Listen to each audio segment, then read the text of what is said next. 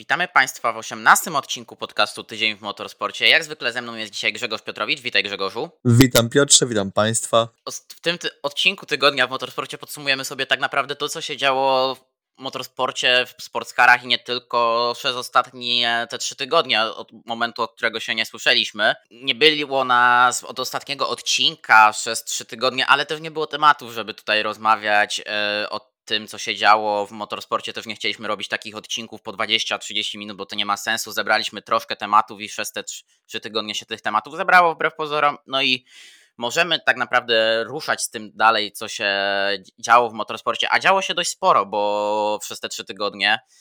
E, z taką pierwszą rzeczą z brzegu, którą możemy się dotknąć, to tak naprawdę to, co miało miejsce w ostatnich dniach, czyli pierwsze testy Lamborghini ST63, czyli auta LMDH włoskiej marki. Jeździli nim Andrea Caldarelli, Mirko Bortolotti Daniel Kwiat i Daniel Kwiat. Wykonano na Imoli 1500 km tym autem. Dwa dni te testy potrwały, można powiedzieć tak naprawdę, że no lepiej te testy wyglądały dla Lamborghini, te pierwsze, aniżeli te, które Izotta Fraschini wykonywała na Moncy także tydzień temu, ale to o tym też sobie powiemy. I pomimo tego, że już ten shakedown był tego auta na Walelundze na początku miesiąca, no to są takie pierwsze porządne testy które wykonano. Potem jeszcze w tym miesiącu będą jeździć tym autem na Paul Ricard i Spa-Francorchamps w Lamborghini, więc widać, że ten program testowy, mimo że się zaczyna dopiero w sierpniu, jest już naprawdę mocno ruszają z kopyta i te testy będą tak naprawdę co tydzień, co półtora tygodnia i będziemy już dostawać to kolejne zdjęcia i kolejne jakieś nagrania, jak to auto jeździ sobie. I to auto tak naprawdę tutaj było testowane testowana była skrzynia biegów, silnik, no tak naprawdę takie pierwsze rzeczy, które trzeba tym autem by wytestować, żeby tak naprawdę zapoznać się i mieć jakąś bazę do dalszych testów. Tak, e, przez skrzynię biegów warto dodać, to właśnie samo Lamborghini poinformowało, że skrzynia biegów marki X-Track, która jest e, standardowym dostawcą skrzyni do ten aut LMDH, ona jak najbardziej była w standardowym, e, standardowym wyposażeniu, natomiast e, takie Lamborghini właśnie każdy producent może popracować e, z marką, z ludźmi, inżynierami z X-Tracka nad przełożeniami, nad optymalizacją ustawień skrzyni biegów, nad synchronizacją biegów. Takie są takie rzeczy, które się bardziej dopina, sprawdza, właśnie po to są testy, by takie rzeczy po prostu optymalizować.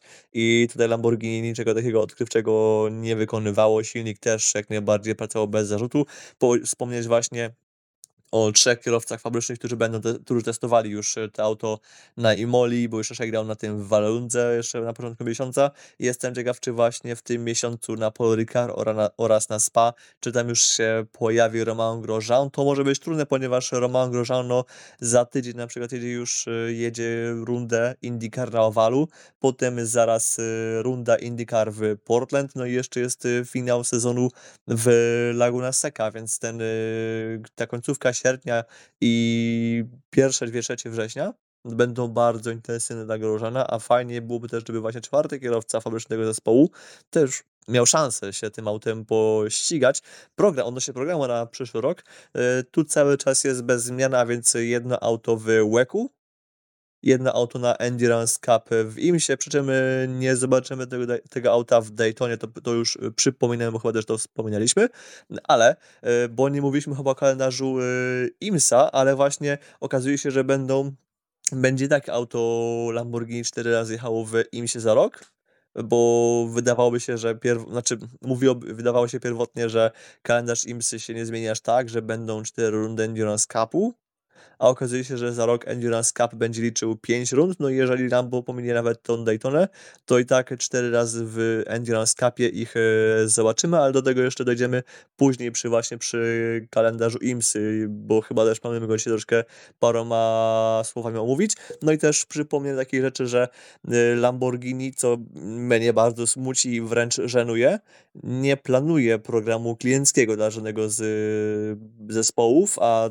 mówiło się jeszcze tam, gdy Audi było zaangażowane w LMDH, że że właśnie Audi, Porsche, Lamborghini, wszyscy, cała ta trójka planują właśnie mieć e, zarówno zespół fabryczny, jak i też właśnie jakiś tam e, program kliencki dla zespołu, które właśnie by kupiły takie auto. Bardzo szkoda, to jest no troszkę taka, e, no to miał być jeden z tych pryncypli właśnie hypercarów, w szczególności właśnie LNDH, że te auta właśnie będą łatwo dostępne dla klientów. Okazuje się, że Lamborghini tego nie chce, ale jak na razie cóż, so far so good. Myślę, że żadnych jakichś negatywów z obozu Lamborghini nie, mo- nie ma się co spodziewać. Ja też miałem okazję rozmawiać z paroma osobami, które znają się troszkę na aerodynamice tego, samochodów wyścigowych i mówią, że Lamborghini jakoś tak e, no, nie wyróżnia się, nie, nie ma niczego szczególnego w tej konstrukcji. Jak spojrzymy na tył, nie wiem, czy ty masz takie pierwsze takie wrażenie, ale na przykład ten tył bardzo mocno przypomina tył w BMW, szczególnie ten układ świateł, y, taki wiesz... Y, wiem, wiem, wiem o co ci chodzi, tak. No właśnie. I Ta, chyba masz podobne wrażenie. Bardzo rozbudowany. Tyłu? Tak, bo to nawet wiesz, jak masz po bokach, jak już masz te boczne płaty tylnego tyłu, to tak praktycznie te światła nawet bardzo podobnie jak w BMW się rozchodzą, więc Lamborghini widać, że gdzieś jednak troszkę kolegami z Monachium się inspirowali przy budowie tego tyłu, ale ten tył jest, tak jak mówisz, tutaj bardzo podobny i też to podobieństwo rzuca mi się mocno w oczy w Lamborghini, ale tak naprawdę patrząc na to, że ten program, ok, zaczyna się w sierpniu, tak jak wspomniałem, ale oni już mocno testują to auto i szkoda, tak jak mówisz, tak. że nie będzie auta klienckiego, bo Lamborghini, mimo tego, że to jest konstrukcja liziera, Liziera, który ostatnio jest bardzo głośny, ale to też jest inna już sprawa. Konstrukcja Liziera, który jeszcze w ogóle nie jeździł e, w LMDH, no bo Dalara, Dalara Multimatic i Oreka mają już przetarcie. To jest jedyna konstrukcja jak na razie dla Liziera i zobaczymy jak to będzie wyglądać. Ale na razie to wygląda wszystko bardzo dobrze i najsłabszym punktem tego programu mogą się okazać albo kierowcy, albo samo, sama prema bo tak naprawdę okay, tutaj Iron, Iron Link zroloutował to auto i te pierwsze testy były, ale tak naprawdę nie wiemy pod jaką marką jeszcze to Lambo będzie wystawiane jako fabryczne. Mnie się wydaje, że no właśnie, znaczy przynajmniej opierając się o, o tą prasówkę sprzed roku, że to będzie pod brandem Links, że nie będzie to brand Premy, tylko właśnie brand Linksowy. E, czy ma to jakieś e, znaczenie z punktu widzenia inżynieryjnego? Trudno mi powiedzieć, jeżeli no tam nie wiem, jaki jest przepływ y, inżynierów między właśnie Aerolinksem a Premą, oczywiście to jest, y, to jest y, jedna organizacja, ale w programach tam panuje jakaś rozdzielność właśnie między programem LMP2 a programem jeszcze GTE oraz GT3. Nie wiem, jak to będzie wyglądało w praktyce w Lamborghini odnośnie tego, że najsłabszym punktem mieliby być kierowcy. To jest bardzo kontrowersyjna teza, no chyba, że no chyba, znaczy jeżeli mówimy o Kwiacie, o ich grożanie, to faktycznie tak może być, ale jak, jednak Caldarelli i Bortolotti, to jednak jest ta druga połowa, to jest bardzo, bardzo mocna i bardzo doświadczona w endurance'ach, więc y, częściowo się zgadzam, częściowo się nie zgadzam. Czy coś jeszcze możemy w temacie Lamborghini dodać? Y, cóż, odnośnie tego kształtu, to po prostu no, bardzo mocno wjechała stylizacja. No chyba Porsche ma najmniej y, stylizacji w aucie, natomiast właśnie BMW, Lamborghini, E, Akur, no akurat nie w sumie troszkę nie bardzo, ale Cadillac, Acura, tfu, Cadillac, e, BMW i Lambo są najbardziej właśnie w, e, odjechane w stylizacji, a skoro mówimy o autach LMDH, no to, no to auta LMDH wypełniają stawkę GTP i tu jest ciekawy, bardziej bym powiedział niepokojący news w kontekście przyszłorocznej stawki. Dokładnie niepokojący news w kontekście przyszłorocznej stawki, bo Meyershank Racing nadal nie ma podpisanego kontraktu na przyszły rok, żeby wystawiać, ewentualnie wystawiać e, trzecią Akurę ARX06 i tutaj Mike Shank bardzo był taki gdzieś lakoniczny w tym, mówi, że no musimy poczekać jeszcze kilka tygodni, musimy jeszcze się zastanowić nad musimy jeszcze poczekać na, musimy poczekać też na decyzję działu HPD, czy my dostaniemy tę akurę do wystawiania, czy ta nasza przyszłość w klasie GTP ma jakąś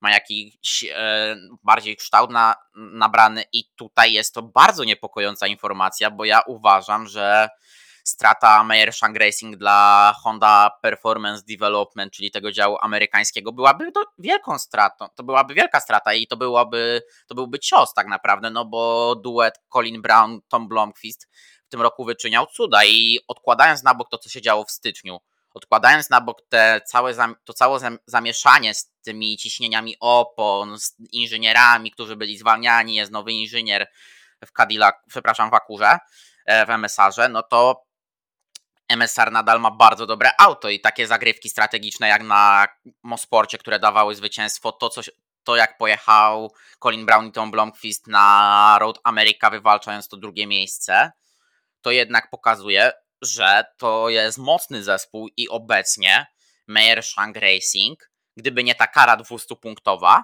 to oni by teraz mieli 82 punkty przewagi i by prowadzili w mistrzostwach klasy GTP Wimsa. Więc jednak no to jest zespół, który potrafi wystawić to auto. Jest lepszy obecnie od Wayne'a Taylora. I strata taka tak. dla Akury może być gdzieś mocno, mocno, mocno może się odbić, bo Wayne Taylor nie wygrał jakiegoś znaczącego wyścigu w tym sezonie. O ile on, oni w ogóle wygrali. Nie, nie wygrali w ogóle właśnie. Wygrana Akury na CTMP oraz to tak zwane zwycięstwo w, Dayton, w Daytonie to są jedyne zwycięstwa właśnie Akury w, w tym roku i właśnie Mayer Shank Racing. To jest bardzo, bardzo dziwny właśnie zespół, który w tym roku no, lepiej się spisuje miałby poczynić krok wstecz. Możemy też usprawiedliwiać WTR tym, że y, może właśnie ta współpraca z Andrettim właśnie wchodzi głębiej i może tam jakaś, jakaś się dzieje jakaś przeprowadzka częściowo do, ten, do Andrettiego, bo taki też miał być plan. I może to jest wszystko częścią głębszego tego właśnie planu, jaki właśnie ma Andretti oraz y, Wayne Taylor Racing. Natomiast tak, strata takiego zespołu byłaby dość y, no, bolesna. Jeszcze dajmy to, że y, że Mayer, znaczy właściwie nie Mayer Shank, właściwie zespół, zespół dawniej Michaela Shanka, a teraz to jest Mayer Shank. Ta cała organizacja ma łącznie trzy wygrane w Daytonie, ponieważ jest, jest wygrana w tym roku, rok temu, jeszcze z roku 2 2012, więc y, jest sporo osiągnięć y, w tym zespole i naprawdę pozbywaliby się sporego kawałka osiągnięć z historii, y, nie dając Akury temu zespołowi na za rok. Oczywiście też pamiętajmy, że HPD oraz Akura no właśnie nie chcą się rozszerzać do tych, do, nie, do tych trzech aut, czy tam nawet czterech, że chyba chcą pozostać przy dwóch, przy dwóch autach, aby móc e, inżynieryjnie obsłużyć całą operację i z tego punktu widzenia miałby to sens, natomiast to właśnie e, czym musimy wylewać e, dziecko z kąpielą w takiej sytuacji, no to byłoby bardzo niekomfortowe, ale też właśnie rozumiem, że po prostu, że Acura czy HPD może nie mieć takich y, zasobów i tu powiedziałeś właśnie, że sam Michael Shank właśnie mówi, że jeszcze muszą poczekać parę tygodni, że nie znają swojej przyszłości. Jeszcze wczoraj chyba mówił ten właśnie Michael Shank dla Racera, że Obecnie to się właśnie waha, że raz jest 50-50, raz jest 80%, y, że zostaną właśnie w GTP. Ja jestem ciekaw ogólnie, czy jest szansa na przykład y, dogadać się z Akurą, z Akurą z Alpin. Czytasz mi w myślach, bo dosłownie szedłem w niedzielę, na spacerze byłem, na dość długim spacerze nomen nomen, ale to już jest inna sprawa totalnie. I ja tak idę i sobie myślę, Jezus Maria, dla Meyershanka, jeżeli by wypadli od Akury, to przecież to jest idealna szansa dla Alpin. Biorą zespół, który ma doświadczenie z LMDH budowanym przez Orekę. Biorą zespół, który pewnie by im dał kierowców, no bo Colin Brown pewnie by został przy Mike, Michaelu Shanku, bo to jest jednak wbrew pozorom lojalny kierowca. I myślę, że jeżeli Michael Shank by mu da mu zapewnienie, że słuchaj chłopaku, ty będziesz jeździł w przyszłym roku w GTP, to pewnie by został no to wiesz, masz, wsadzasz tam Helio Castronevesza, wsadzasz Colina Browna, taką dwójkę, wsadzasz do Alpin, do auta budowanego na bazie Oreki, która, które ma sukces, która ma sukcesy już w GTP, za sprawą Akury, co prawda, bo to, że Alpin wybrał silnik Mekachroma, no to jest, ja, ja, to komentuję bardzo ostro, ale to już jest inna sprawa. I Michael Shank może wprowadzić Alpin nagle na szczyt w GTP jakoś, i to będzie dla Akury mocny cios by był, bo wybrali Wayne'a Taylora, a tu nagle Michael Shank, który dostaje Alpin, które nie wiadomo skąd się nagle pojawia, no bo jest to przygotowywane Alpin pod GTP i IMSE, a wątpię, że Siniatech ma takie zasoby, żeby też wysłać auto za ocean i żeby tam nim jeździć na stałe. No to jedno Alpin za oceanem w rękach Michaela Shanka, why not? I to może naprawdę być program, który się obrodzi w sukces. Tak, jeszcze bym może dodał takich fantazji. E, no nie wiem, Jenson Button, który rozważa powrót do ścigania full time. Teraz Button jeździ bardziej w NASCAR, jeździ, pojechał trzy wyścigi drogowe, e, ale Button mówi, że chce za rok pojechać coś tam właśnie na full time. E, wiadomo, że przez to, że jego ostatnia lata kariery to była Honda w Super GT oraz McLaren Honda w F1, więc idą z tą logiką chłopski rozum tak zwany, czyli najbardziej niezawodne narzędzie poznawcze świata. Logiczne byłyby starty dla Akury. E, no ale nie wiem, czy w Akurze będzie miejsce, może będzie, może nie, ale no właśnie, gdyby tam Batona do ten do Meyershanka w Alpin wsadzić, to też byłby, byłby fajny dodatek, ale no właśnie najpierw e, dobrze by było, gdyby właśnie Shank został, bo to jest naprawdę zespół, który sporo wnosi do tego sportu, jest e, naprawdę świetnym powerhouse'em, gdyby udało im się mieć dwa auta właśnie w GTP, albo chociaż jedno, cokolwiek, to już byłby to mega zysk. Obecnie w stawce GTP mamy 10 aut. Do końca roku będzie ich właśnie 10. E, jeśli za rok byśmy mieli mieć właśnie dwie Alpiny i cały czas dwie Akury właśnie Wayne'a Taylora, mamy już 12 aut. Gdyby John Dunan jeszcze wpuścił w końcu House'a, mielibyśmy 13. I ta stawka GTP zaczęłaby wreszcie wyglądać, ponieważ no nie wiem jak ty, ale ja uważam, że jak na standardy amerykańskie, 8 aut, które zaczęło sezon, pomijając tam chyba dodatkowe, jakieś dodatkowe, dodatkowe Cadillaki, znaczy trzeciego Cadillaca, no to 8 aut wyglądało dla mnie biednie.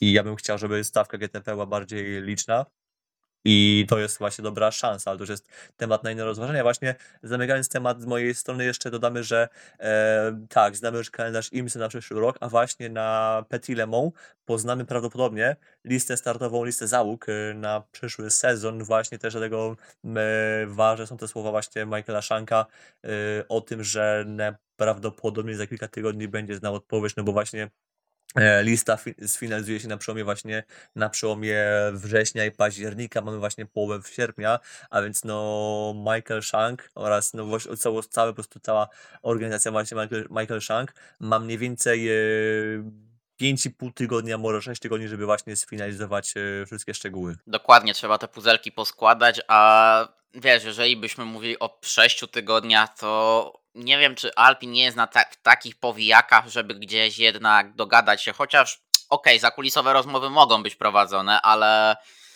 no to jest raczej taka nasza fantazja. Ale tak, tak jak mówisz, no poznamy na Petit Lemon pełną listę, no bo na razie znamy takie bardziej pojedyncze zgłoszenia. Kto, to, co poogłaszał oficjalnie, czyli na przykład właśnie Wayne Taylor ogłosił, że będzie w przyszłym sezonie, tak jak Shongbridge ogłaszało w LMP2, Riley ogłosił, United ogłosił, GTD Pro też jest troszkę, o czym też sobie powiemy, bo tam będziemy mieć BMW w GTD Pro w przyszłym sezonie, więc trochę mamy tych zgłoszeń takich, które są poogłaszane i były ogłaszane właśnie przez te ostatnie trzy tygodnie, ale ja bym jeszcze, jak już jesteśmy w temacie hypercarów, to ja bym jeszcze na chwilkę przeskoczył, wrócił do Włoch, na Monce. Trochę na północ się przeniesiemy i przeniesiemy się tam, żeby ocenić to, jak sobie poczyna pewna mediolańska marka. Mówię o Izocie Fraskini. Już y, mój rage chyba słyszałeś na temat Izoty Fraskini. Słyszałem. Chyba nie muszę go powtarzać. Ja nie jestem zbyt szczęśliwy właśnie z tego, jak, to się, jak tam się, się sprawy dzieją. Mam nadzieję, że chociaż właśnie line-up kierowców będzie jakiś y, mocny, no bo ja uważam, że w tej chwili ten program nie ma za bardzo mocnych stron. Mm, powiem ci tak, czasy są niby ok, bo czas tak naprawdę, no, ok, ten stint był na miękkich oponach, na miękkich oponach nigdy by nie zrobili w kwalifikacjach czasu, bo były tylko medium i hard ostatnio na Moncy do dyspozycji, ale czas 1.35.622 no to nie jest zły czas, chociaż no to auto nie ma po pierwsze, tak. nie jest pod BOP, po drugie miękkie opony, które nie, których nie ma do dyspozycji normalnie, a po trzecie to zobacz, co tak naprawdę można to auto było rozkręcić też bardziej trochę, ale jeżeli pokonuje się w testach 98 okrążeń, jedynie 550 km i auto ma później jakiś wyciek, coś się dzieje, no to na litość boską. Żeby zobrazować 98 kółek to są niespełna 4 godziny. No. no to jak chcemy pokonać e, dystans 6-godzinny, e, jak potem chcemy pojechać 8 godzin, jak potem chcemy pojechać w MO. Jasne, będą potem jeszcze będzie sporo testów, no ale właśnie w ISOCie troszkę to biednie wygląda cały czas. E, tak powiedziałeś, e, auto jechało bez BOP i no właśnie, no okej, mo, mo, mogłoby w teorii jechać, wiesz, e, bez dokładanej masy, bez duszonej mocy, z, nie wiem, bez limitu energii na stint, tylko mamy już stawce takie na auto, które właśnie, które właśnie jeździ bez BOP i jak sobie radzi, no, no kiepsko, no bo to jest Greenhouse, właśnie o tym aucie mówimy. Więc y, jazda bez, taka bez BOP trochę jest y, bez sensu. no, znaczy, znaczy chwalenie się czasem bez BOP jest, be, jest bez sensu, bo chwalmy się czasem właśnie z jakimś e, dołożną masą czy coś tam i wtedy możemy bardziej, wiesz, wtedy można bardziej coś tam, jakieś wnioski wyciągać. A teraz jadąc takim autem właśnie, jak powiedziałeś, maksymalnie rozkręconym, robimy, robimy, robimy, po prostu, robimy po prostu robotę pod publikę, a nie robimy niczego pożytecznego dla swojego programu, co jest troszkę, no... Dokładnie. Dokładnie, no i wiesz, no dopiero następne testy na początku września na Aragon, no to nie wygląda za dobrze po pierwsze. Po drugie, kierowcy. Nadal tym autem jeżdżą Marco Bonanomi i Jean-Carl Vernet. I ja tutaj chcę się wytłumaczyć z jednych słów, bo napisałem ostatnio w artykule, który odbił się szerokim echem, że Bonanomi i Vernet to są emeryci i ktoś mi tam wyknął, że Wernej ma 36 lat, Kubica 39, bo to było w kontekście oczywiście Roberta i, i, jakim emerytem jest Kubica. Ja, tak, ja tutaj się wytłumaczę. Robert jeździ na najwyższym poziomie nadal. Wernej katuje sobie jedynie TCR-ki. A do TCR, a w TCR-ach można jeździć mając nawet w, będąc w okolicach 50. Nie obrażając tutaj team Toma Coronela czy Tiago Monteiro, bo do nich się odwołuje ale no w TCR-ach można sobie jeździć tak naprawdę niezależnie od wieku, więc no taki Wernej tak. gdzieś się wypisał z poważnego jeżdżenia dobre 10 lat temu. Po prostu miałeś chyba na myśli, że Bonanom i Wernej są y, emerytem w kontekście takim, że są um, ośniedziali w kontekście, ośniedziali jeśli chodzi o jazdę właśnie y, maszynami typu LMP1, typu F1, typu IndyCar, y, po prostu maszynami, które Szybkimi. są na takim najwyższym poziomie technologicznym. Szybkimi, no właśnie, takimi najszybszymi, takimi już stopu z topu motorsportu, oczywiście TCR-y są szybkie, ale chodziły tam po prostu o maszyny już y, takie prototypowe, bolidowe. Tak. A to są takie, to są maszyny, które właśnie y, które, w które się właśnie opią bolidy, prototypy, a więc auto, którymi jeżdżą ci e, najmocniejsi kierowcy, plus też, no nie oszukujmy się, kierowcy turystyków to nie jest najwyższy, najwyższy poziom. Pecito Lopez już do jakiegoś poziomu doszedł, no ale E, też no, to było akurat WTTC w czasach e, TC1, to jest troszkę też inna liga, e, a teraz jak spojrzymy na to, co, na to kto jeździ w TCR-ach regionalnych, nieregionalnych, to jest też nieraz można mieć różne zastrzeżenia, a przy okazji wspomnijmy, że e, Esteban Guerrieri w ogóle wrócił ten, do, ten, do, do Argentyny, właśnie do, do lokalnych e, TCR-ów. To jest też taki ciekawy news. Natomiast to po prostu może nie podawać kontekstu, ale faktycznie tak, masz na to, że mimo, że Bonanomi oraz Vernet, Vernet jest e, młodszy od Kubicy, to tak, no jest troszkę emerytem, no bo jeździ, no nie że w serii dla emerytów, ale nie jeździ po prostu na tym, y, na tym poziomie, nie jeździ tego typu konstrukcjami, co bardzo mocno szkodzi właśnie jakości usług, jakie, jakie, właśnie ten, jakie, jakie oferuje, a jeszcze kończąc temat w ogóle włoskich właśnie producentów, którzy zarabiają w hypercarach, to no cóż, ratuje ich tylko to, że mają czas y, z testami oraz rozwojem do końca listopada. Że nie jadą w Daytonie, bo jakby jechali w Daytonie, to auto musieliby homologować już w październiku. Na początku października.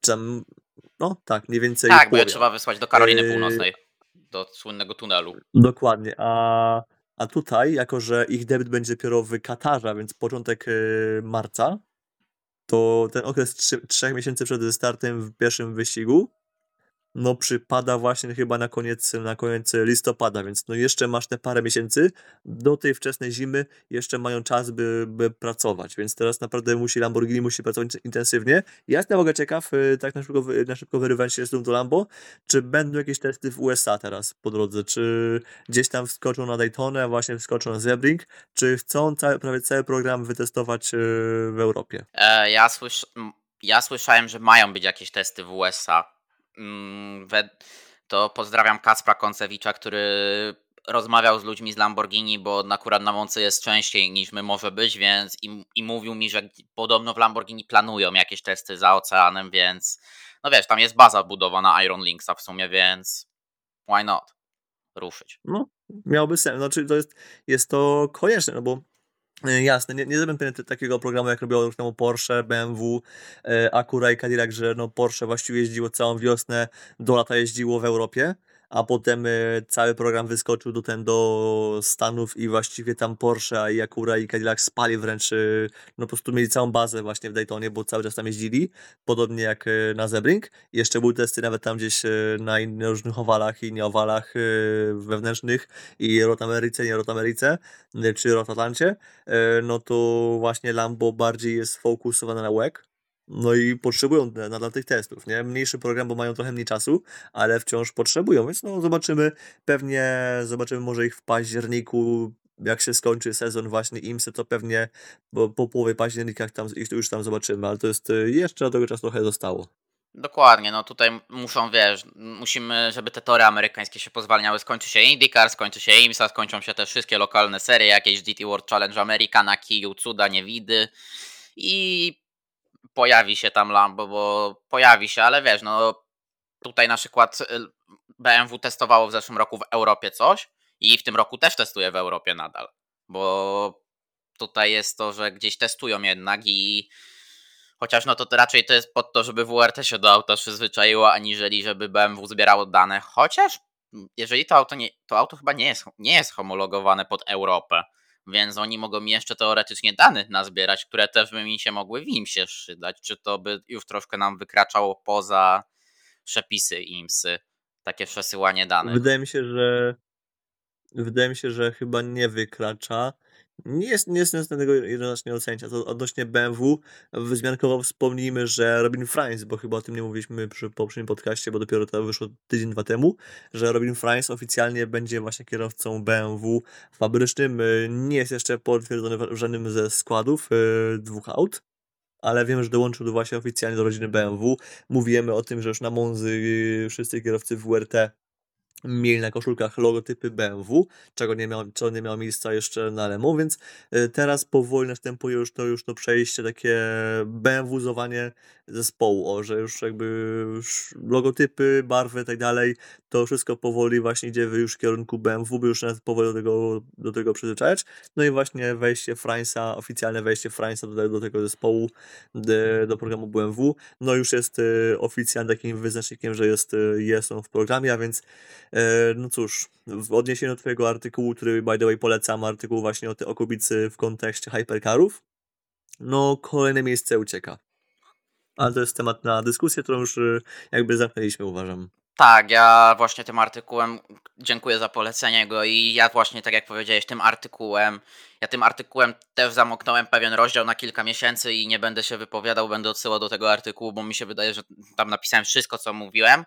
Ale tak, no tutaj składy BMW, gdzieś tutaj Anders Ross, czyli szef BMW M Motorsport, czyli tego działu typowo zajmującego się motorsportem w BMW, w marce BMW M Powiedział, że BMW nie wyklucza przeniesienia na przyszły sezon niektórych kierowców z IMSY do WECA do składu Hypercar. No i tutaj takie wymowne zdjęcie na Sportscars 365, które mam otwarte, zdjęcie na Augusto Farfusa i Filipa Enga. No oni chyba mają najbliżej do tego przeniesienia ewentualnie, bo no jednak yy, BMW ma też troszkę tych amerykańskich kierowców, gdzie jest nadal Neil Verhagen, który pewnie też czeka na to siedzenie, na ten fotel w LMDH i no Menomen zasługuje na niego, bo testował to auto, jeździ bardzo dobrze w GT3, więc czemu nie, czemu nie, żeby pojawił się w jednym z aut w IMSie i tutaj też Anders Ross powiedział bardzo ważną rzecz, że BMW będzie stosowało bardzo podobną filozofię do Porsche, czyli kierowcy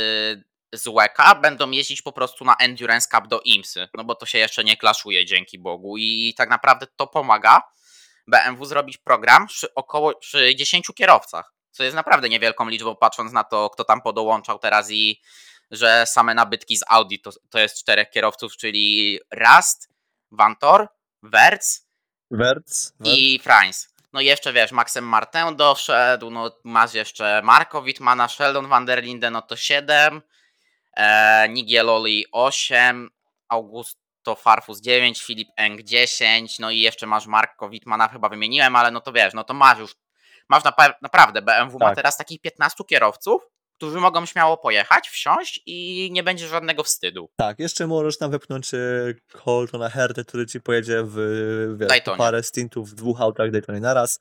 Więc y, no już tym bardziej można powiedzieć, że gdyby BMW chciało, to już mogłoby zamknąć rekrutację, no ale pewnie jeszcze, jeszcze coś tam pracują, by coś tam właśnie, coś tam utknąć. E, ja tak się zastanawiam, nie? E, odnośnie trzeciego auta, bo za rok trzeciego auta nie będzie, to, jest, to już jest potwierdzone, ale jestem ciekaw, czy Team RLL dostałby właśnie może możliwość jazdy trzecim autem w Le Mans w 2025 roku. Pewnie to zależy od wyników, bo pewnie wiesz, to by wszystko od wyników zależało i czy by dostali to mityczne Tak. zaproszenie. No ale właśnie y, wyniki, ale też y, możesz, no bo Porsche dostało jakieś miejsce z IMS y, w tym roku na, Le, na Le Mans, a no Penske nie było obecne w IMSie w, po, po tym, po, po programie za kurą na przykład, więc y, możliwe też jest jakieś tam, wiesz, wejście dodatkowe poza zaproszeniowe, bo chyba Hypercar też tam się jakoś to, w to łapią, plus też no, za rok będzie troszkę zmiana tego systemu zaproszeniowego, bo też troszkę się nam y, zmieni cała struktura klas w WEC-u i w, Le, i w Le Mans i tak dalej. No ale gdyby właśnie RLL spróbowało, no bo WRT, jasne, mają spore zasoby, ale no już teraz wiemy, że jak y, chcą mieć program w tym, w LMGT3 za rok, to mówią, że też muszą tą operację rozszerzyć, że muszą porekrutować ludzi. E, ludzi rekrutuje też także, także WTR, którym już mówiliśmy wcześniej, czyli właśnie zespół e, Wayne'a Taylora. Tam wiem, że też e, są rekrutacje e, konkretne, więc jestem ciekaw, czy tam byłaby szansa na przykład, nie? Ale jeszcze na przykład w kontekście BMW mnie zastanawia, bo też wiem, że Row Racing na przykład za rok będzie miało stabilizację programową, ponieważ tam za rok Row Racing zostaje z GT World Challenge oraz z DTM-em. A jestem ciekaw, czy na przykład Row Racing miałaby szansę wskoczyć do LMGT3, ale w LMS-ie na przykład. Ciekawe, bo tutaj właśnie tak jak mówisz, właśnie mieliśmy to też nawet wspomnieć, że Raw Racing powiedziało, że zostaje w GT World Challenge Endurance Cup i w Nürburgringu.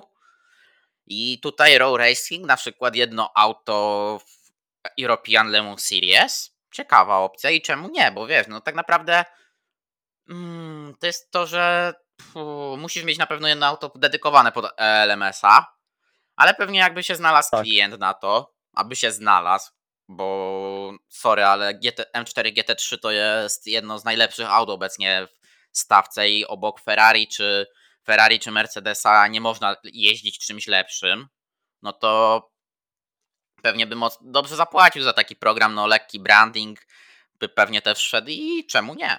Ja myślę, że to wygląda dobrze. Dokładnie. No bo jeśli- BMW na pewno będzie za rok w LMS-ie, ale Walkenhorst na przykład ja sobie nie wyobrażam za bardzo. Oczywiście Walkenhorst e, no jeździ w ASLMS-ie, ale ja ASLMS traktuję już jako coś pomiędzy LMS-em a 24 Hour Series, czyli taką no jak to się mówi, jak to mówię, lubię mówić w naszych polskich seriach, czyli taką pojeżdżawką na starych dziadów. No bo też no, takie troszkę, taka jest troszkę formuła właśnie ASLMS-u. E, mówiliśmy chyba też o kalendarzu, o kalendarzu e, imsowskim, nie? Wspomnieliśmy. Chyba możemy do, do, do, wspomnieliśmy, ale możemy do tego troszkę, troszkę go rozszerzyć chyba, nie? Możemy troszkę tak, tak, ja bym więcej to powiedzieć, ponieważ troszkę jest, jest tam ciekawych informacji w, tej, w tym miejscu. rozszerzyłbym ten kalendarz, bo szczerze sobie aż wejdę, bo ja to sobie rozpisałem ładnie u siebie w artykule na blogu. Czy Znaczy, bardziej nie chodzi mi o rozszerzenie, nie bardziej chodzi o rozszerzenie, może bardziej jakieś takie krótkie wspomnienia A, tego, co okej. się tam, co tam się dzieje za rok, co się zmieni nam za rok w- kalendarzu, bo dobra, wypadło nam e, Lime Rock Park na przykład wypadło. i Lime Rock Park wypadło chyba głównie z przyczyn. Powtórz proszę. Tak, masz rację, że tutaj Lime Rock Park mi się wypadło, wiesz, wypadło głównie z przyczyn mm, pieniążki Rogera Penske i Kalendarz, takie. I kalendarzowych też troszkę, bo też y, chyba tam y, promotorzy samej rundy wspomnieli też, że chodziło także o kalendarz jakby ich imprez. Pamiętajmy też, że le, region, w którym właśnie leży Lime Rock Park, to jest chyba coś ala kurort. Nie leży nad, morze, nad oceanem, ani nad morzem, ale to jest coś ala kurort i tam na przykład jest taka sytuacja, że nie można cały rok się ścigać. Nawet y, z wyścigiem jest taka sytuacja, że wyścigi muszą się kończyć przed, przed szóstą wieczorem e, czasu lokalnego, bo po szóstej wieczorem jest no, już zakaz hałasowania, więc ten tor nie może funkcjonować e, później niż po, tej, niż, niż po północy czasu europejskiego na przykład. E, No bo już chodzą te, te zakazy. Podobnie jest na Zandvoort, na Sachsenringu, na Hungaroringu chyba podobnie, chyba jestem już troszkę podobnie. I właśnie Lime Rock tam wypadło. Tak jak powiedziałeś, będzie Indianapolis jako runda, jako runda Endurance, bo w tym roku jest jako sprint, a za rok będzie jako runda Endurance Cupu, a więc będzie piąta runda Endurance Cupu. E, w Kanadzie z kolei pojadą nam trzy klasy, nie będzie GTP, co ciekawe, będzie LMP2, będzie czołową klasą, będą dwie klasy GTD. E, jeszcze Detroit nam wraca, to Tak. jest też e, interesujące i mnie ciekawi ta pitlane, jak ta pitlane będzie wyglądała, bo chyba pitlane w Detroit Jest na jest dwie części. jakby dwustronna. Tak, na dwie części jest Właśnie podzielona. I to będzie bardzo ciekawe właśnie, jak się tam będzie wyglądało to ściganie, plus też Indikary, e, no troszkę rozwałki tam było, oczywiście no Detroit było przez lata w IMSie na Belle Isle i tam było świetne ściganie i jestem ciekaw właśnie tego ścigania właśnie na tym, na, na tym śródmieściu, czy tam downtown, tak nazwijmy, tak to jest ta oficjalna nazwa, czyli bardziej część śródmieściowa. E, Coś tu jeszcze można wspomnieć, no e, boli nas bardzo, niezmiernie, trzy kolizje z Łekiem. Dwie e, kolizje będą w Long Beach, e, Monterey, wówczas to się nałoży z e, kolejną Imolą oraz Spa w Łeku, a z kolei runda w Kanadzie nałoży się nam z chyba z USA, czyli z Kotą. Z São Paulo. São Paulo. E, Przy czym w, São, przy czym w, w Kanadzie wówczas nie jadą GTP, więc nie wiem, Filip Albuquerque nie powinien mieć problemu. No ale wciąż paru brązów jedzie w GTD na przykład, nie? I no w tym roku mamy właśnie sytuację, że chyba Hiet musiał też, e, nie mógł jechać e, Monzy oraz właśnie zespół AO Racing nie mogło właśnie być na Monzy, ponieważ e, ponieważ, fu, nie, nie AO Racing, tylko Heart of Racing nie mogło, nie mogło jechać, no bo właśnie mieli kolizję z IMSą. I trochę lipa, że są takie kolizje, mimo że te dwie serie powinny współpracować e, pod kątem kalendarza. Powinny te dwie serie współpracować pod kątem kalendarza, ale John Dunan zrobił nam mocną niespodziankę, no bo jeszcze ja wspomnę tutaj o tym, że Detroit nam się krzyżuje z y, 24 Hours of Nürburgring, a Six Hours of the Glen, czyli ten słynny 6-godzinny wyścig na Watkins Glen, krzyżuje się z 24 Hours of Spa, więc... I to jest okropne właśnie. To jest, to jest mega dziwne, nie powinno być aż takiej kolizji. Jasne, e, z USA nam zbyt wielu kierowców nie przylatuje do ten, do, do, na te wyścigi, no ale na przykład, e, nie wiem, mamy za rok nam wchodzi na pełnej, wiadomo co, wchodzi nam Corvette, oraz, twój Corvette GT3 oraz Ford Mustang GT3 na przykład, nie? I na miejscu takich, tych dwóch marek, nie wiem, mo, może za rok nie jest to ich ambicją, ale załóżmy, mamy taką sytuację, taką samą akcję w roku 2020 2025 i chcesz wystawić swój line-up z GTD Pro w, na Nürburgringu oraz y, w Spa.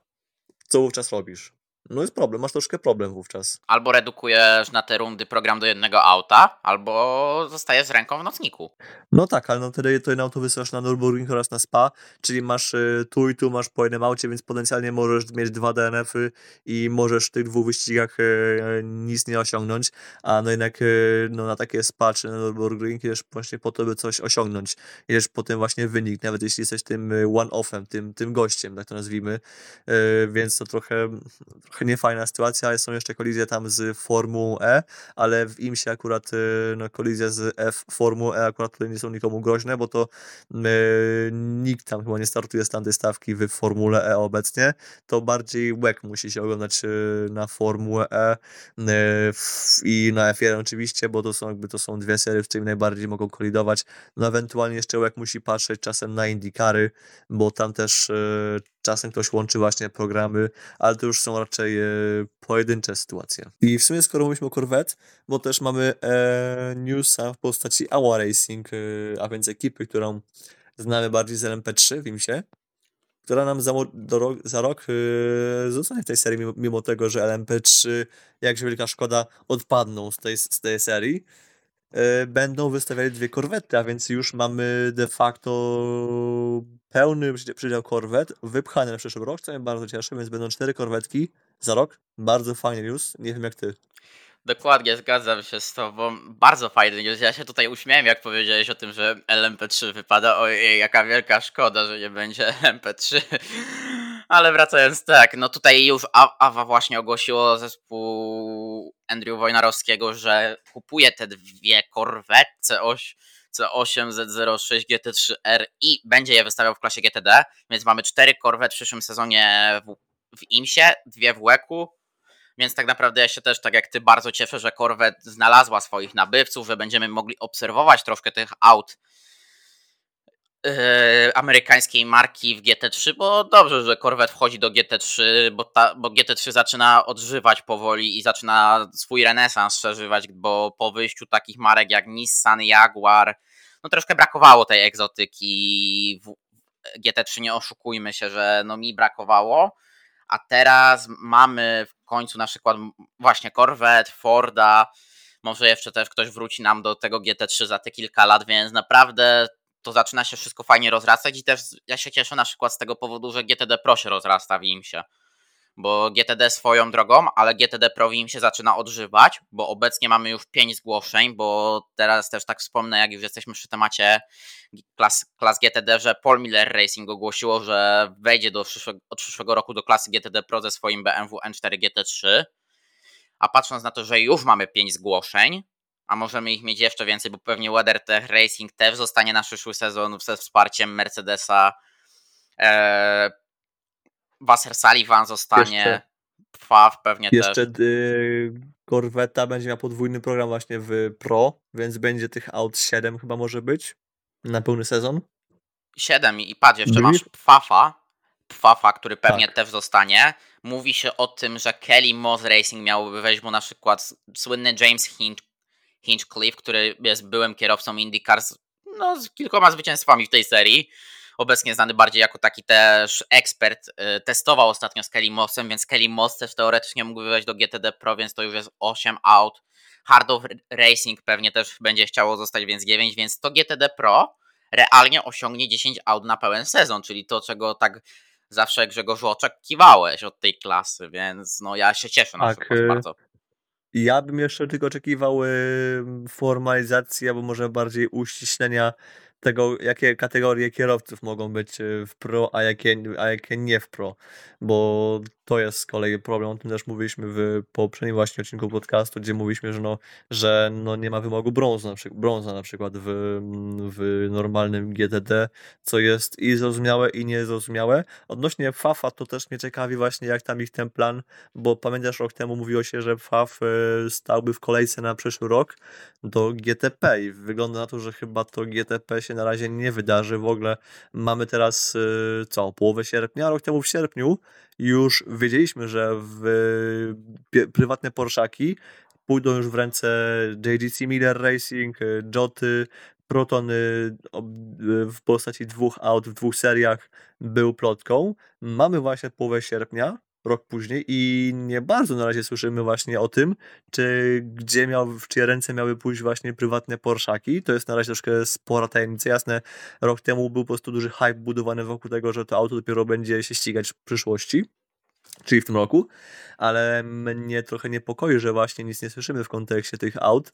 Na Porsche właśnie planowało tak y, do czterech aut y, na przyszły rok jeszcze dołożyć i w sumie to byłaby też troszkę opcja awaryjna dla właśnie wspomnianego wcześniej tematu Mayor Shank Racing, bo tak tylko może wzmiankowo powiem, że właśnie gdyby akurat nie wypaliła, to jest to Alpine, które jest tam chętne, ale no nie wiemy, czy w ogóle testują, bo też e, Oreka, e, chyba Oreka oraz to po prostu Alpin trzymają wszystko pod kłódką, pod, e, pod kluczem wszelkie sekrety, bo tak robili za kurą i Alpin robi tak samo. Cadillac prywatnych aut nie udostępni do roku dw, e, 25. jeszcze przez rok nie udostępni. No właśnie, dopiero w 25 najwcześniej, ale też gadałem z Laurą Wątro-Klauser na Monzy, mówią, że też tak, że w ogóle nie jest pewne, czy w ogóle ten temat y, przejdzie. No to dostaje Porszak, dostaje Porsche i awaryjna opcja jest ok, nie?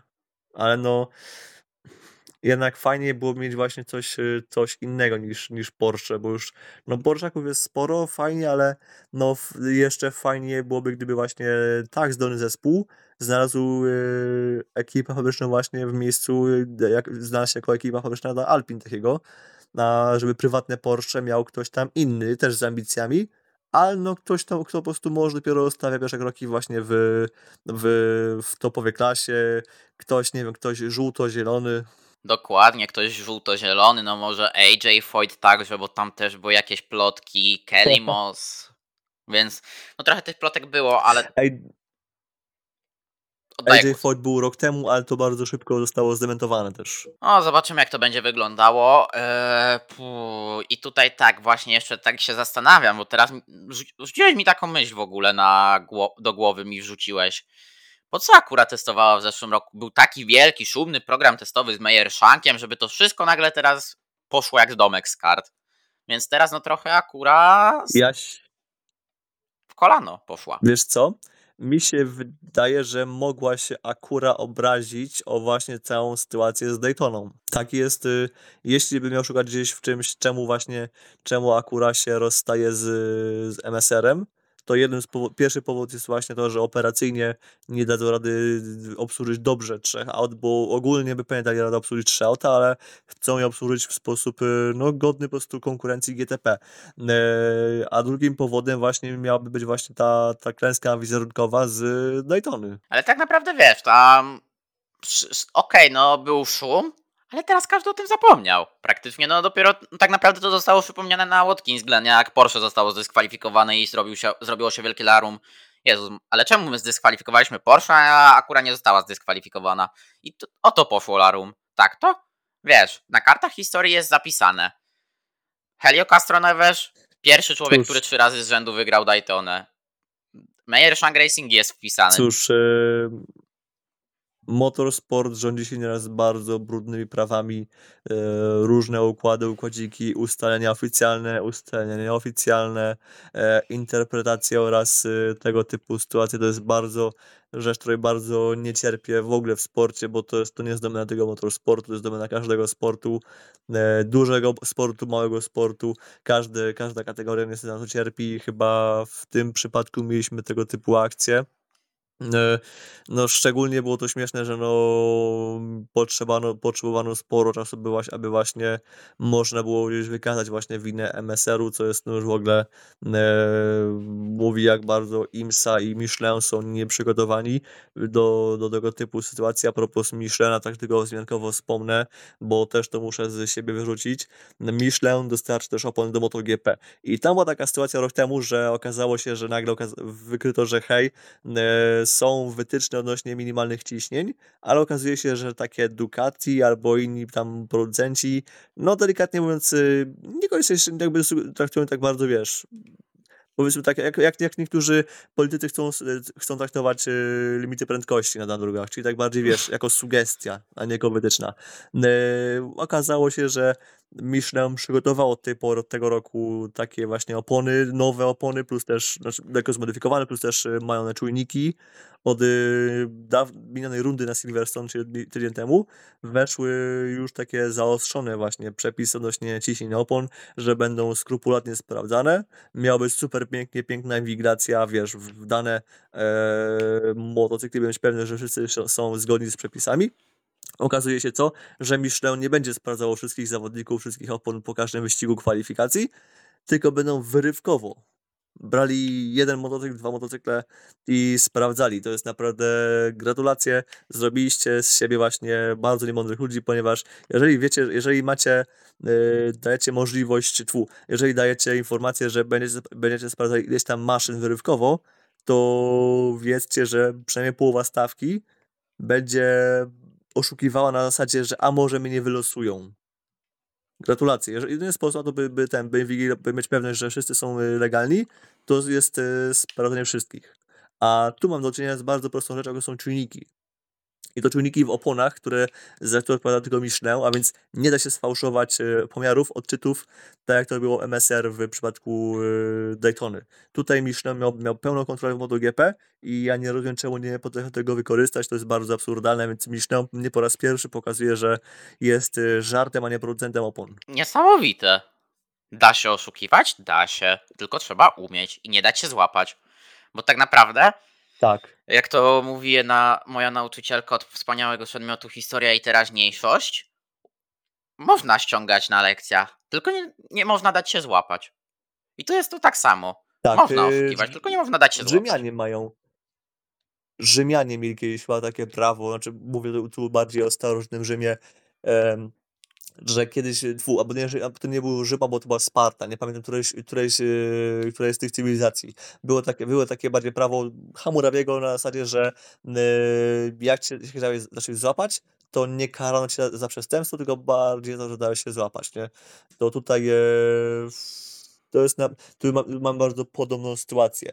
Coś jeszcze tutaj chciałem w tym kontekście dodać, wyleciało mi z głowy, więc nie będę też, też się rozjeżdżał. W każdym razie no po prostu ubolewam nad tym, że mamy w takich prostych sytuacjach mamy taką lipę. A, chciałem dodać to, że no właśnie e, przykładowo, na przykład jeśli masz w F1 wyrywkową kontrolę jednego auta co wyścig, że po każdym wyścigu rozbiera jedno auto do zera, no to w tej sytuacji możesz oszukiwać, wiesz, cała reszta stawki, możesz też oszukiwać i liczyć na to, że ich nie zapią. W F1 to tak jest trudne do, do zrobienia, ponieważ już i tak tam jest sporo elementów standardowych, e, plus jest też sporo kontroli właśnie takich, które już na wczesnym etapie są- w stanie coś wychwycić, ale no w sytuacji, gdzie masz swoje czujniki, i zespół ci nie sfałszuje pomiarów, bo nie ma, bo nie ma jak, bo nie ma do tego dostępu, no trochę się ośmieszasz, nie? To jest, to jest bardzo, pokazuje, że ta firma jest nie do końca poważna, yy, już nawet nie,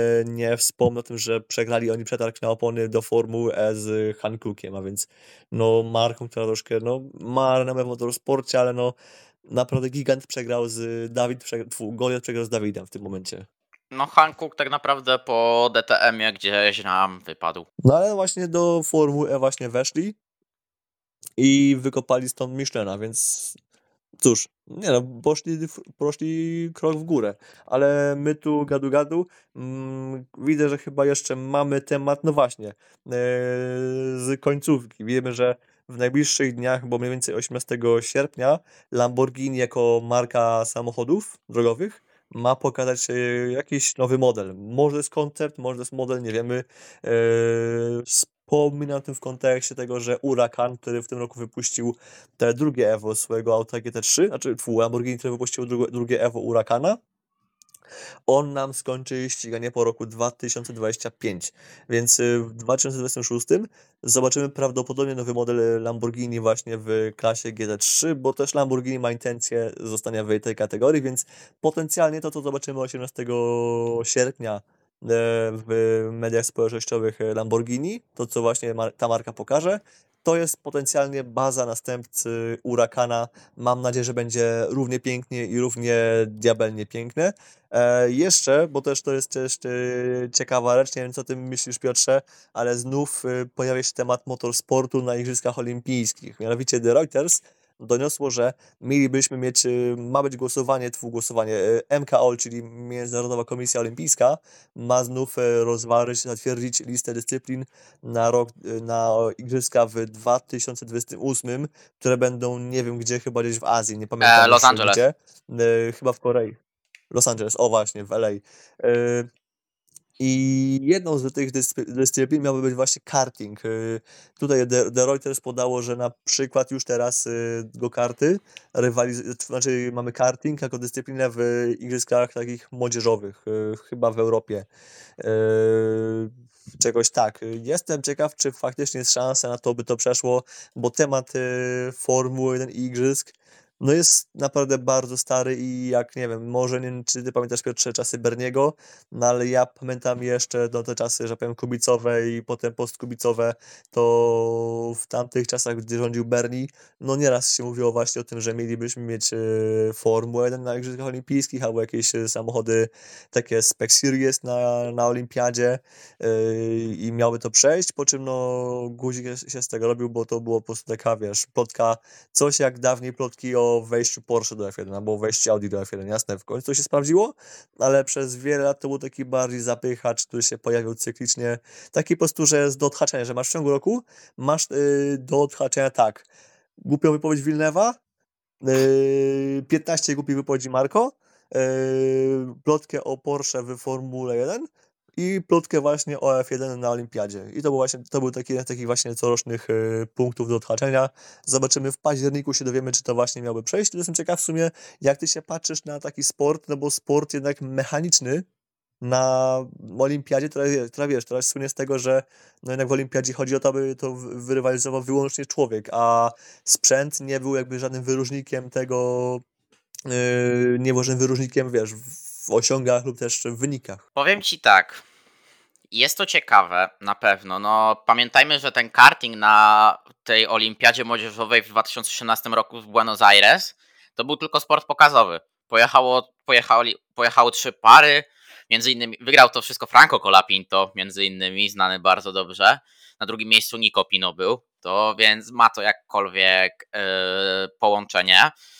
No była już intencja właśnie wtedy, jak w Buenos Aires to wystawiano, żeby to już się pojawiło w Paryżu za rok. W Paryżu za rok to się nie pojawi. Może się pojawić to w 2028 w Los Angeles. Tylko jeśli mamy takie sporty, na przykład jak karate, które nie wiem czemu nie ma na igrzyskach, jestem zdziwiony tym w ogóle, że nie ma na igrzyskach karate. Mam, wiesz, mamy sporty pokroju karate, krykieta, który ma mocną bazę w Indiach i na Wyspach Brytyjskich, ogólnie w, ogólnie w państwach korony brytyjskiej. Squasha mamy, który też jest fajnym sportem i który mo można by jakoś ładnie opakować, że w centrum po prostu stawiają kilka kortów i oni sobie tam odbijają to. Jest baseball, jest softball. No naprawdę konkurencja jest mocna dla takiego elektry elektrycznego kartingu i jeżeli to wszystko miałoby być spekkarowe, że jest jeden gokart i na tym gokarcie, że tak naprawdę rywalizują pomiędzy sobą kierowcy, no coś jak takie mistrzostwa gokartowe obecnie, ja jestem za.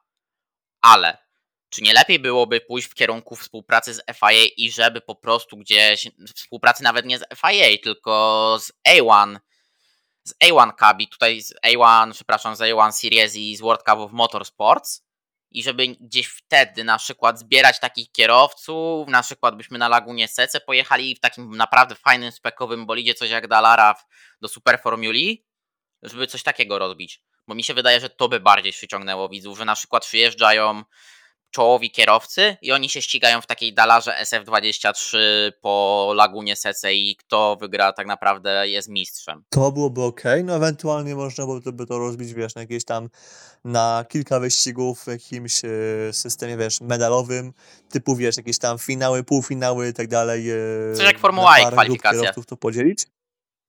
O, tak, to byłby ciekawy system. Ja myślałem, że jak e, zaczynałeś tutaj cały system, cały pomysł opowiadać, ja myślałem, że sięgniesz po synergię, współpracę z mistrzostwami motorsportowymi, z igrzyskami motorsportowymi, które mają, które co roku się gdzieś tam odbywają w Europie ale to byłoby też zbyt duże i zbyt kosztowne, a tam bardziej chodzi o to, by to też było tanie, bo tam bardziej jeżdżą samochody Formuły 4, GT3, GT4 chyba, yy, LMP3 też jest e, i e-sport.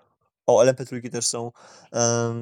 no ale tak, faktycznie gdyby to już było coś na poziomie właśnie Dalar właśnie SF19, tylko też yy, pamiętajmy, że potem trzeba do tego zgarnąć kierowców na przykład, nie? I teraz pytanie, jakie robią wymogi, wiesz, czy jest dowolna licencja w systemie sportskarowym, gdzie każdy kierowca, jaki się ściga w ogóle w motorsporcie, no łapie się pod te licencje właśnie brązowe, srebrne i złota platyny.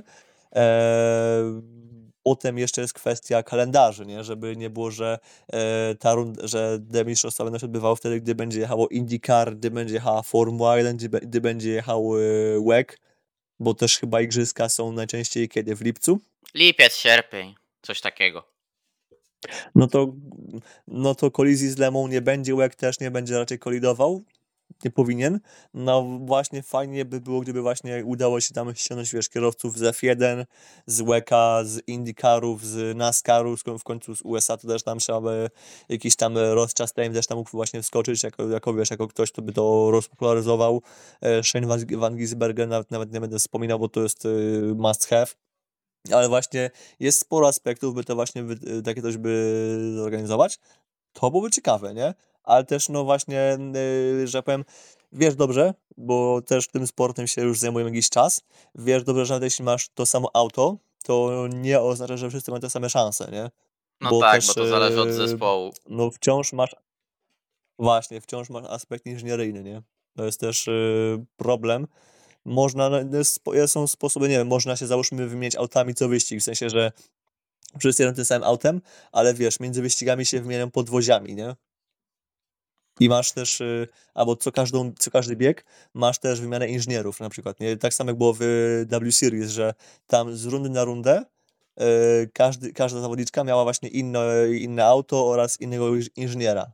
I de facto co wyścig miałeś właśnie tą wymianę. Może by to weszło, jest sporo aspektów. Nawet jakby był ten karting, to byłoby spoko, no ale ja szczerze w to wątpię, to jest znów taki troszkę odgrzewany kotlet, jednak no fajnie byłoby mieć właśnie motorsport na olimpiadzie, ale jednak ja jestem właśnie fanem takich sportów, powiedzmy to niesprzętowych, y, z wyłączeniem właśnie kajakarstwa i tego typu, i żeglarstwa tam jeszcze oraz innych może tego typu podobnych sportów. Motorsport może bym tam zostawił, wiesz, w spokoju. Nie no, wiesz, kajakarstwo wymaga naprawdę wielkiej siły. Byłem wczoraj na kajaczkach i trochę popracowałem, ale no, tak jak powiedziałem, ja patrząc na to, że masz sporty pokroju, masz sporty pokroju baseballa, kickboxingu, karate, squasha jako rywaliza, jako, czy krykieta, które rywalizują, mają rywalizować z tymi gokartami, to ja szczerze na przykład bym wybrał squasha jako tę nową dyscyplinę, bo ten squash jest też taki, wiesz, że okej, okay, no na go karty też człowiek pójdzie, ale na skłosza człowiek więcej ludzi pójdzie, pogra sobie w tego skłosza, a później wiesz, na przykład siada latem i ogląda olimpiadę. Albo na przykład, no krykiet akurat może nie w, Euro- nie w Europie, oprócz właśnie Wysp Brytyjskich, ale kickboxing. To też jest naprawdę piękny sport, no bo to jest jak boks olimpijski praktycznie, więc pewnie też by musieli amatorzy, no bo na tym polega boks olimpijski, że nie można być profesjonalistą jakby ale no to też jest coś niesamowitego. Tak, y, potwierdzam, bo sam kiedyś trenowałem kickboxing. Y, tu chyba możemy pozdrowić też z tego miejsca Julię Trusewicz ze Świata Wyścigów, bo chyba też trenuje kickboxing, a na pewno trenuje jakieś, y, któreś ze sportów walki, więc tak, sporty walki, mimo że nie jestem może szczególnym fanem, to jestem w szoku właśnie, że kickboxing, karate, która jest tych formu właśnie sportu walki nie jest obecna. Są chyba zapasy, tak? Tylko. Tak, zapasy są. No trochę, trochę szkoda, ale też wiemy, że no, igrzyska, podobnie każdy inny sport, każda inna jakby organizacja sportowa, zrzeszająca jakieś, jakieś, jakieś kategorie, no też musi iść z tym duchem czasu i też wiesz, no wszystko moneta, jak to się mówi, że muszą też po prostu, wiesz, maksymalizować zyski i brać sporty takie, które będą jasne, będą relevantne, ale też takie, które przyniosą kibiców z jakiegoś regionu, które po prostu przyniosą ludzi przed telewizory, na trybuny, bo też y, o to jednak chodzi. Oczywiście też no, osobną sprawą w igrzyskach jest to, jakie są tam nieraz kontrowersje związane z igrzyskami, kwestia, wiesz, y, infrastruktury, to, że to jest budowane nieraz na czyimś, wiesz, na czyimś y, nieszczęściu, kwestie różnych jakichś tam, wiesz, praw Wiadomo. człowieka, które tam, które tam się nieraz przejawiają, to jest inna sprawa, no ale F1 też tu nie jest święta, ale no tak, yy, faktycznie, nie no, sprawa, sprawa tych sportów, jakie się pojawią właśnie na igrzyskach za 5 lat, to jest całkiem ciekawe. Fajnie było się, bo gdyby właśnie sporty walki miałyby tam troszkę większą reprezentację, bo uważam, że powinny. Ale cóż, myślę, że chyba. Czy tu jeszcze jakieś tematy właśnie, bo też tak widzę, że chyba nam się powoli. Nie, tematy powoli, się właśnie nam wykończyły. Cóż. Myślę, że chyba pozostaje nic innego, podziękować Państwu za obecność w tym tygodniu. Dokładnie, tak jak powiedziałeś Grzegorzu, dziękujemy Państwu za to, że byliście z nami przez tę godzinę i słuchaliście o tym, co się działo przez te ostatnie kilka tygodni w motorsporcie. Ja jak zwykle zapraszam do, na social media Grzegorza, małpa Piotrowicz66, Twitter, Instagram. Można czytać Grzegorza na portalu motohigh.pl, także na YouTubie można posłuchać Grzegorza, Grzegorz Motorsport Piotrowicz. Moje social media, małpa Szczepanigo Moto, Twitter, Instagram, Facebook, YouTube. Yy, nie można też poczytać na portalu na czterech kołach.pl. Zachęcamy do słuchania naszego podcastu na Spotify, Apple Podcast, Google Podcast, no praktycznie gdzie dusza zapragnie, jak ja to mówię. I myślę, że usłyszymy się może jeszcze nie w przyszłym tygodniu, ale na pewno już za dwa tygodnie, bo to już wszystko tutaj wraca powoli nam ten motorsport wróci za te dwa tygodnie. Tak, właśnie, no to już możemy tak już zapowiedzieć, że właśnie za dwa tygodnie no w Endurance'ach czeka nas yy, co? Yy, Virginia, tak? W Wimsie? Tak. Czy, Indi czy na, na... Virginia, Virginia. Virginia, no i jeszcze rewolucyjna runda LMS na Aragon, która startuje, co ciekawe, w sobotę o 18, a więc finish jest o 22. więc szykuje się ciekawy eksperyment. Oczywiście mieliśmy już wyścig na Barcelonie przed czasami w roku 2020. No a tu będzie jeszcze nowszy eksperyment, to też o tym będziemy opowiadać później. Cóż, ja też dziękuję Piotrze, właśnie zapraszam, zapraszam właśnie na twoje social media oraz też szczególnie do twojego artykułu właśnie o Robercie Kubicy, też, to, tu też mówiliśmy wcześniej, więc cóż, ja pięknie dziękuję i do usłyszenia. Dziękujemy bardzo za uwagę. Do usłyszenia.